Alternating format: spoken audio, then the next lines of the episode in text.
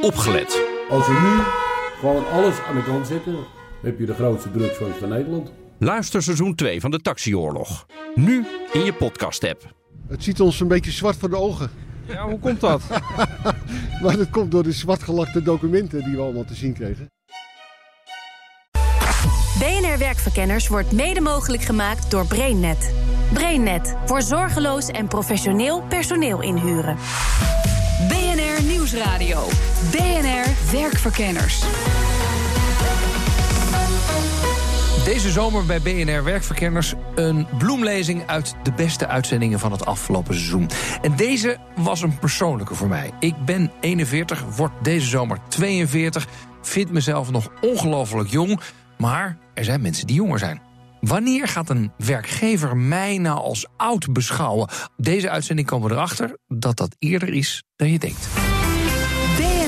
Werkverkenners. Met Rens de Jong. En de eerste die ik voor mijn onderzoek spreek. Ik ben eh, Beatrice van der Heijden, hoogleraar strategisch HRM aan de Radboud Universiteit. En ook verbonden aan de Open Universiteit en Kingston University in Londen. Ja, je hoort het misschien al een beetje, maar ik spreek haar op Utrecht Centraal. Vandaar dat achtergrondgeluid. Onze agenda's waren zo vol dat uh, we een beetje moesten improviseren. Klopt, maar gelukkig zijn we allebei flexibel, Rens, hè? Nou, precies. Hartstikke. Uh, nu ik haar toch spreek over het wel of niet oud zijn... voelt ze zelf dat ze wat ouder wordt? Of mag je dat niet vragen aan een dame? Dat mag je zeker vragen. Nou, gelukkig uh, neemt de levensverwachting steeds toe. En ik zit nu wel in een midlife ervaring. Geen crisis, gelukkig. Daar doe ik niet aan mee. Daar doe ik mijn best voor. Ja. En, maar het is wel eindig. Je gaat wel zorgvuldiger om met de resterende tijd die je nog hebt. Mm, ja, ja. En, en waar blijkt dat dan uit? Ik ben wel een heel weloverwogen, doordacht meisje, denk ik, altijd wel geweest. Maar ik merk wel dat bepaalde keuzes cruciaal zijn nu. En misschien is dat wel meteen het voordeel van ouder worden. Je wordt wat weloverwogener. We hebben het over leeftijd. Um, en ik moet eerlijk zeggen, dit onderwerp boeit mij zeer. Want ik heb jou een, een aantal jaar geleden al gesproken. En toen zei jij, Rens, vanaf een bepaalde leeftijd gaat een werkgever jou als oud beschouwen. En toen was ik nog niet zo ver, maar nu heb ik die leeftijd bereikt. Ook ik word als oud gezien. Nou, kijk eens aan. En dan vind je zelf dat je midden of aan het begin van het echte leven staat. En dan word je al in de hoofden van leidinggevenden als inderdaad oud gezien, met minder loopbaanpotentieel. En helaas hebben we uit onderzoek uh, gezien dat dat al vrij vroeg is. Welke leeftijd is dat? Over professies heen. We hebben datasets uit verschillende landen en van allerlei verschillende beroepsvelden. Is het om en nabij de 40 jaar. Maar om de 40? Dan heb ik, even denken, dan moet ik nog langer werken dan dat ik gewerkt heb. Klopt. Dat is zo. En um, in sommige professies, uh, we hebben heel grootschalig onderzoek gedaan in de ICT-sector. Daar was het gemiddelde 35, 36 jaar. Dus dan ben je al minder flexibel, ambitieus, uh, minder uh, innoverend vermogen. Althans in de hoofden van de leidinggevende. Waar komt dat door? Het is heel moeilijk te verklaren waar dat door komt. Ik denk dat er toch iets is dat uh, op het moment dat de keuzevrijheid groter is, dat mensen uh, liever jongere medewerkers kiezen. En dat zie je ook als je ze door bepaalde vragenlijsttechnieken een ideale leeftijdsopbouw in laat vullen. Ik probeer geen cirkelredenering te maken, maar men dicht aan jongere werknemers toch meer positieve eigenschappen toe. Dus jij zegt, uh, als je werkgevers gaat vragen, uh, dan gaan ze jongeren gaan ze allerlei positieve labels opplakken. Wat voor labels zijn dat dan? Nou, wat ik heel vaak voorkom en ook in verschillende studies is dat flexibiliteit hoger wordt ingeschat. Ambitieusheid, innoverend vermogen, aanpassingsvermogen. En het zijn precies allerlei eigenschappen die samenhangen met employability. Blijkt uit een vervolgonderzoek. Oké, okay, maar dat zijn de labels die er op de jongeren worden geplakt. Als je dan boven de 40 komt, Welke labels krijg je dan? Dan zie je doorgaans het tegenovergestelde. Dus minder flexibel, minder innoverend vermogen, minder ambitieus. Maar daar komt ook nog bij dat uh, oudere werknemers vaak als gefrustreerd betiteld worden. En ik denk dat we, als we het over kip-ei-verhaal hebben, waar jij ook in geïnteresseerd bent, dat het eerder is dat de houding van de leidinggevende, de attitude, als die uitstraalt, je zit toch lekker op je plek, zing je tijd uit. En ook misschien je partner, je directe omgeving. Laten we niet verhuizen, we hebben hier een hypotheek. Dan ga je je gedrag als het ware aanpassen aan die attitude. En dan ga je minder loopbaanactiviteiten ondernemen. En dan word je door je omgeving als gefrustreerd, wil niet meer veranderen, vastgeroest, gelabeld. En daar ga je weer door je gedrag aan beantwoorden. Want niks is zo vermoeiend en energie wegtrekkend dan continu moeten opboksen tegen een gevestigde orde. Kunnen die bazen, want daar hebben we het over, hè, leidinggevenden... kunnen die niet ook een beetje gelijk hebben met hun labels? Nou, dat is een hele goede vraag. Wij hebben dus natuurlijk in ons onderzoek gecontroleerd voor de feitelijke prestaties, competenties, inzetbaarheid van mensen. En dat was niet de verklaring. Ook als mensen uh, goede prestaties afleveren, dan toch vind je die leeftijdsverschillen op grond van hun toekomstige loopbaanpotentieel in de hoofden van de leidinggevende. Heeft de leeftijd van een baas ergens nog mee te maken? Klopt, ook een belangrijk aandachtspunt. Een leidinggevende die veel jonger is dan zijn of haar medewerkers... is geneigd om minder gunstige uitspraken over medewerkers te doen. Dus, dus als je een jonge baas bent en je hebt uh, relatief oude mensen in je team zitten... Dan, dan, ga je daar ook wel een beetje negatiever over denken. Dat, uh, dat is helaas de situatie. Ondertussen is volgens mij een trein vertraagd, hè? Ja, ja, ja. Jij hoeft nog niet weg, toch? Of op tijd gekomen. Oh, ja, precies. Eh, op tijd of vertraagd. Deze onderzoekstrein van BNR Werkverkenners gaat gewoon door. Met Rob Isjes. Rob is hoofd arbeidsmarktinformatie en advies bij het UWV. En daar hebben ze onderzoek gedaan naar de leeftijd waarop mensen denken moeilijker aan de bak te komen. Het resultaat. Nou, UWV heeft eh, een aantal jaar geleden een onderzoek gedaan onder ruim eh, duizend werkgevers en werknemers. We hebben eigenlijk de vraag gesteld: bij welke leeftijd nemen nou je arbeidsmarktkansen echt af? Nou, je ziet dat werkgevers iets positiever zijn ingesteld dan werknemers. Maar in zijn algemeenheid kan je zeggen dat uh, zowel werkgevers als werknemers aangeven... dat de kans op de arbeidsmarkt eigenlijk al afnemen voor je 45ste. Maar het verschilt per vakgebied of je op hoge leeftijd nog aan het werk komt. Op dit moment is er gewoon heel veel vraag naar mensen in de bouw. En dan zien we dat bijvoorbeeld schilders, loodgieters en timmerlieden van 50 plus een stuk makkelijker aan het werk komen dan bijvoorbeeld iemand van dezelfde leeftijd die een baan zoekt als, nou laat ik zeggen, administratief medewerker of uh, receptioniste, telefoniste. Dus het soort werk maakt ook wel wat uit. Nog even terug naar Beatrice van der Heijden, onderzoekster. Um, zij denkt dat er best veel aandacht is nu voor ouderen op de arbeidsmarkt. Maar vooral omdat de arbeidsmarkt krapper aan het worden is. En niet omdat mensen echt geloven dat een oudere unieke kwaliteiten bezit. En dat is jammer. Ik denk dat we ons helaas toch altijd laten leiden door de, het, het, aanbod op de arbeidsmarkt. Nu is iedereen heel erg gericht op de oudere werknemers. Omdat, uh, omdat we er veel van hebben en steeds meer van krijgen. Dus daar moeten we iets mee. En ik wil zo graag dat we meer, ook vanuit economisch perspectief, gaan denken vanuit de kracht van senioriteit. En dat niet als we een nieuwe babyboom krijgen, de ouderen als eerste weer snel naar huis worden gestuurd. Want wijsheid, omgaan met moeilijke situaties. Er zijn zoveel positieve eigenschappen die met het ouder worden toenemen. Dus laten we alsjeblieft juist in de kracht van senioriteit geloven. Dan mijn volgende gast. Een vrouw die vindt dat bedrijven niet meer zo aan leeftijdsdenken moeten doen. Uh, mijn naam is Jolande Sapelli. Ik ben directeur HR bij ASR. Ik werk daar inmiddels uh, drie jaar en ben daar verantwoordelijk voor het uh, personeelsbeleid. En ASR, heel veel mensen kennen het wel een beetje, maar wat doen jullie precies? ASR is een verzekeraar. Ja, en hoeveel mensen werken daar? Ruim tussen de 3 en 4.000 mensen. Zo, dat is heel wat, hè? Behoorlijk. Ja, en hoe is de leeftijdsopbouw daar? De leeftijdsopbouw is, um, ja, ook daar, ook bij ons ligt het accent toch nu wat op de oudere medewerker. Uh, de gemiddelde leeftijd is uh, 42, 43. Ja, is dat een probleem? Nou, ik zie dat niet als een probleem. Het is, uh, het is meer een aandachtspunt. En wat, wat is dan het aandachtspunt? Nou ja, dat je eigenlijk moet, toch moet kijken dat je personeelsbeleid, uh, zeg maar je personeelsopbouw verantwoord, verantwoord is opgebouwd. Mm -hmm. En dat je een goede mix hebt uh, van oud en jong en een afspiegeling van de maatschappij. De vraag die we vandaag proberen te beantwoorden is: wanneer ben je oud voor een werkgever? Snap jij dat we die vraag stellen? Ja, ik begrijp hem zeker. Um, maar ik zou hem niet zo uh, willen koppelen aan, uh, aan leeftijd, eerlijk gezegd. Want uh, je bent zo oud als je je voelt. En ik denk dat het oud zijn veel meer te maken heeft met attitude en gedrag. Um, ik ken mensen die 40 zijn, die zich gedragen als 70. En ik ken mensen die in de 60 zijn, waarvan ik zeg, nou, teken nog 10 jaar bij. Heeft de vergrijzing een steeds grotere impact op onze arbeidsmarkt? Ja, zeker, zeker. Vertel. Klopt.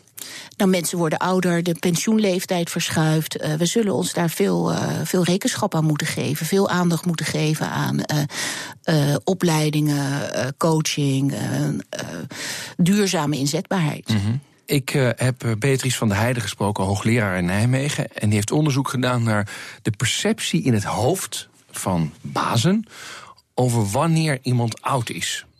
En de omslag begint al te komen bij 40. Herken jij dat? Ik moet zeggen, ik, bij mij uh, doet het zich niet voor. 40 vind ik echt nog een leeftijd, dan sta je midden in het leven. Nee, dat snap ik. Maar jij bent natuurlijk de HR-directeur. Ja. ja. dus ja, dit is jouw ja, werk om hier heel gebalanceerd over na te denken. Terwijl ik kan me best voorstellen dat jullie bazen hebben... die hebben te zeggen, nou, doen maar een zwikje jonge werknemers. Ja, en ja, wat doe jij daar ja. dan mee? Zeg je daar van, nou, uh, Fred, zouden we het alleen maar jong nemen... of zouden we ook wat ervaren nemen? Nou, bij ons hebben we juist de discussie dat we best wel jonge mensen willen aannemen... maar die zouden dan wel tegelijkertijd 15 jaar ervaring moeten hebben. Dus het is eigenlijk toch een mix van, van het profiel en, en houding en attitude... En, en een bepaalde kennisniveau. Vakmanschap is erg belangrijk en dat is eigenlijk niet gekoppeld aan leeftijd. Nee, maar krijg je die zit die bias er dus ook echt niet in? Ook niet bij de mensen die jij, zeg maar... Nou, ik sluit niet niet uit dat die bij sommige managers er is, uiteraard. Maar dan, dan moeten we gewoon het gesprek aangaan. Want de wereld ziet er buiten anders uit. Bij 40, uh, 40 is het nieuwe 30 inmiddels. Nou, dat is toch mooi, hè? Val ik toch nog in de categorie dertigers.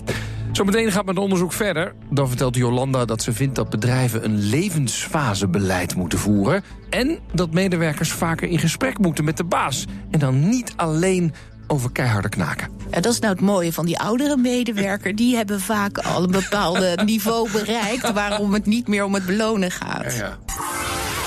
BNR Nieuwsradio. BNR Werkverkenners. Wanneer ben je oud voor een werkgever? Dat onderzoek ik vandaag. Mijn naam is Rens de Jong. Leuk dat je luistert. Tijdens mijn onderzoek word ik geholpen door Beatrice van der Heijden, hoogleraar strategisch personeelsmanagement aan de Radboud Universiteit. Uit haar onderzoek bleek dat je na je veertigste al als oud wordt gezien door werkgevers. En ik praat met HR-directeur van ASR, Jolanda Sapelli. Zij vindt dat werkgevers geen leeftijdsbeleid moeten voeren. Ze heeft een alternatief. Nou, ik denk dat je levensfase personeelsbeleid zou moeten hebben. Dus niet alleen voor de, voor de uh, 45, 55 plus, maar voor alle fases. Als je kijkt naar verschillende levensfases, waar hebben mensen dan behoefte aan wat jou betreft? En waar zou je dan invulling aan moeten geven? Nou, ik denk als je jong bent, dan zou je graag uh, meer vrije tijd willen hebben voor je gezin. Um, als je wat ouder bent, zou je misschien juist wel meer willen werken. Of soms minder willen werken om, om meer jezelf te willen inzetten voor vrijwilligerswerk of voor de sportvereniging of gewoon een stapje terug te zetten. Ja, is er ook nog een fase waar je meer wil werken? Of, uh, Uiteraard. In welke bedoel, fase is dat dan? nou ja, weet je, ik, nu ik hoor met, alleen maar werken, dan, dan moeten we ze vrijgeven en dan moeten we ze vrijgeven. Kom nee, op, jongens. maar met tijd en plaats en met tijd en plaats onafhankelijk werken doet het er eigenlijk niet zoveel meer toe wanneer en waar je werkt. Mm. Uh, je wordt output gestuurd en op dat moment maakt het niet uit of je op kantoor zit of dat thuis doet. De, de, de balans tussen uh, werk en privé wordt uh, in die zin wat, uh, wat diffuser. Nou, jij zegt uh, medewerkers moeten helemaal niet worden ingedeeld op basis van leeftijd. Dat is zo. Toch is het iets waar heel veel mensen snel naar kijken. Hoe gaan we dat wegnemen? Ik denk dat je opleiding en, en, en ontwikkeling centraal moet stellen. Um, veel meer moet kijken naar de levensfase waarin mensen zich verkeren. Dus die, die kunnen verschillend zijn. Ook kijken van hoe kun je op latere leeftijd uh, je, je baan anders inrichten. Er wordt wel eens over demotie gesproken. Nou, daar zit een hele negatieve associatie uh, aan vast. Uh, ik ben wel eens in gesprek met de FNV geweest en dan noemen we het remotie. Nou ja, dus misschien ook nog niet helemaal. Maar we zoeken ook naar een beetje een woord dat het heel normaal is dat je carrière uh, in een vloeibare lijn zich beweegt. Mm. Ja, en dan? En dat kan soms meer zijn, soms minder. En dan uh, moet je in gesprek met de medewerker. En dan is het een tweerichtingsverkeer. Uh, de medewerker zou bereid moeten zijn om wat flexibeler naar de invulling van zijn werk te kijken. En de emolumenten die daarbij horen. En werkgevers zouden moeten kijken hoe ze dat het beste kunnen faciliteren. Ja, en hoe bepaal je dan met zo'n levensfaseplan of iemand nog geschikt is om voor de organisatie te werken?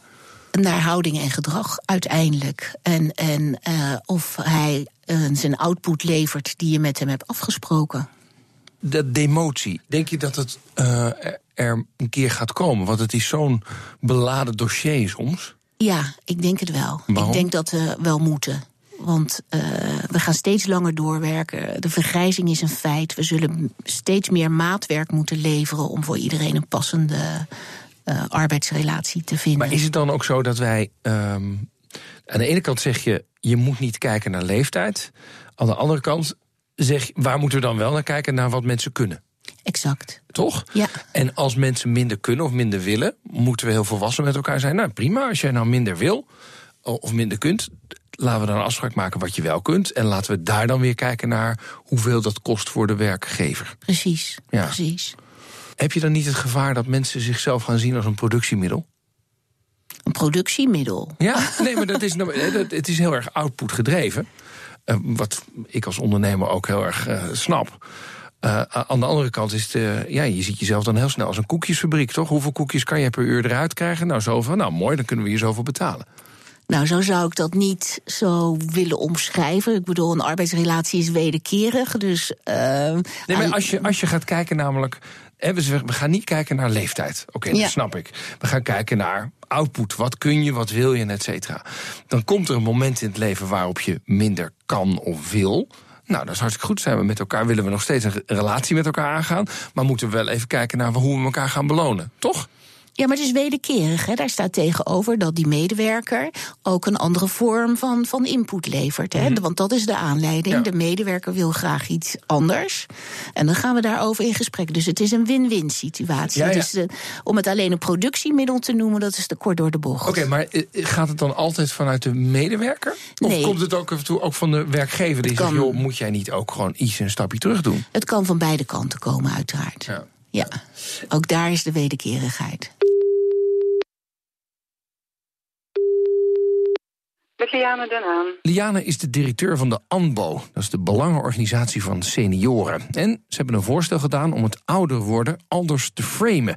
Onder andere op de arbeidsmarkt. Want, Wij vinden het heel belangrijk dat werkgevers een ander beeld krijgen van ouderen. Over het algemeen is het zo dat ze denken dat ouderen vaker ziek zijn, veel duurder zijn en minder productief. Nou, uit onderzoek zie je dat dat ook niet zo is. Maar juist door jong en oud te combineren op de werkvloer... heeft dat meer rendement, geeft meer rust eh, op de werkvloer... eh, en het verhoogt ook de productiviteit. Dus wij zeggen als AMBO ook jong en oud, samen is goud. en ze stellen dus voor om jonge en oudere medewerkers aan elkaar te koppelen. Je ziet dus dat jongeren over het algemeen veel makkelijker met allerlei technologische ontwikkelingen meegaan. Daar waar ouderen vaak ook meer rust hebben eh, en ook meer strategisch inzicht. Nou, als je die combinatie maakt, ouderen vinden dat ontzettend leuk, want eh, die worden geholpen bij al die technologische ontwikkelingen. En je ziet dat jongeren veel meer strategisch inzicht krijgen eh, en daar ook op een hele natuurlijke manier in meegaan. Dus eh, dat verhoogt ook de productiviteit. eh, en de innovativiteit op de werkvloer. Dus koppel jongeren en ouderen aan elkaar op die werkvloer. Maar je ziet dus dat bedrijven die dat nu aan het doen zijn, dat die ook echt zeggen, ja, dat rendeert echt. Het verbetert de sfeer, het verhoogt strategisch inzicht en het verhoogt ook de, de productiviteit. Tja, het levert echt wat op. Jong en oud aan elkaar koppelen. Maar hoogste tijd om dat ook dan bij de ANBO zelf te doen. Toch? Onze jongste werknemer is 23 en onze oudste is 73. En dat is heel grappig. Eh, en die werken ook samen. En dan zie je dus dat eh, ja, die hebben ontzettend veel plezier. En die leren heel veel van elkaar. Ja, ik heb daar ontzettend veel lol in. Ehm, maar ik zie ook dat op die afdeling die productiviteit ook vergroot. Eh, en dat ze elkaar continu ook opzoeken. Terug naar hoogleraar Beatrice van der Heijden. Want zij zegt dat koppelen, wat we net al hoorden bij de ANBO... dat is een opkomende trend. Dit zogenaamde reversed mentoring, omgekeerde mentoring, is een, eh, een hot item in de literatuur. Dus as we speak is dit een aandachtspunt van onderzoek. Ja, ja. En, en wordt er ook in Nederland veel aan gedaan? Of is het nog ergens in Amerika dat daar een beetje zo aan geklust nou, wordt? We, we hebben binnenkort weer een internationaal congres, ook met Amerikaanse collega's. En we proberen zoiets uh, uh, in verschillende landen op te zetten. Maar precieze uitkomsten kan ik hierover nog niet geven. Wat moet je als oudere werknemer zelf nou doen om dat beeld weg te krijgen? heel duidelijk aangeven wat voor affiniteiten, loopbaanwensen, sterkte, zwaktes je hebt. Dat in kaart brengen. Maar ook uh, de verantwoordelijkheid nemen om met je leidinggevende in gesprek te gaan. Mocht je even een stapje terug moeten doen. Bijvoorbeeld door privéomstandigheden.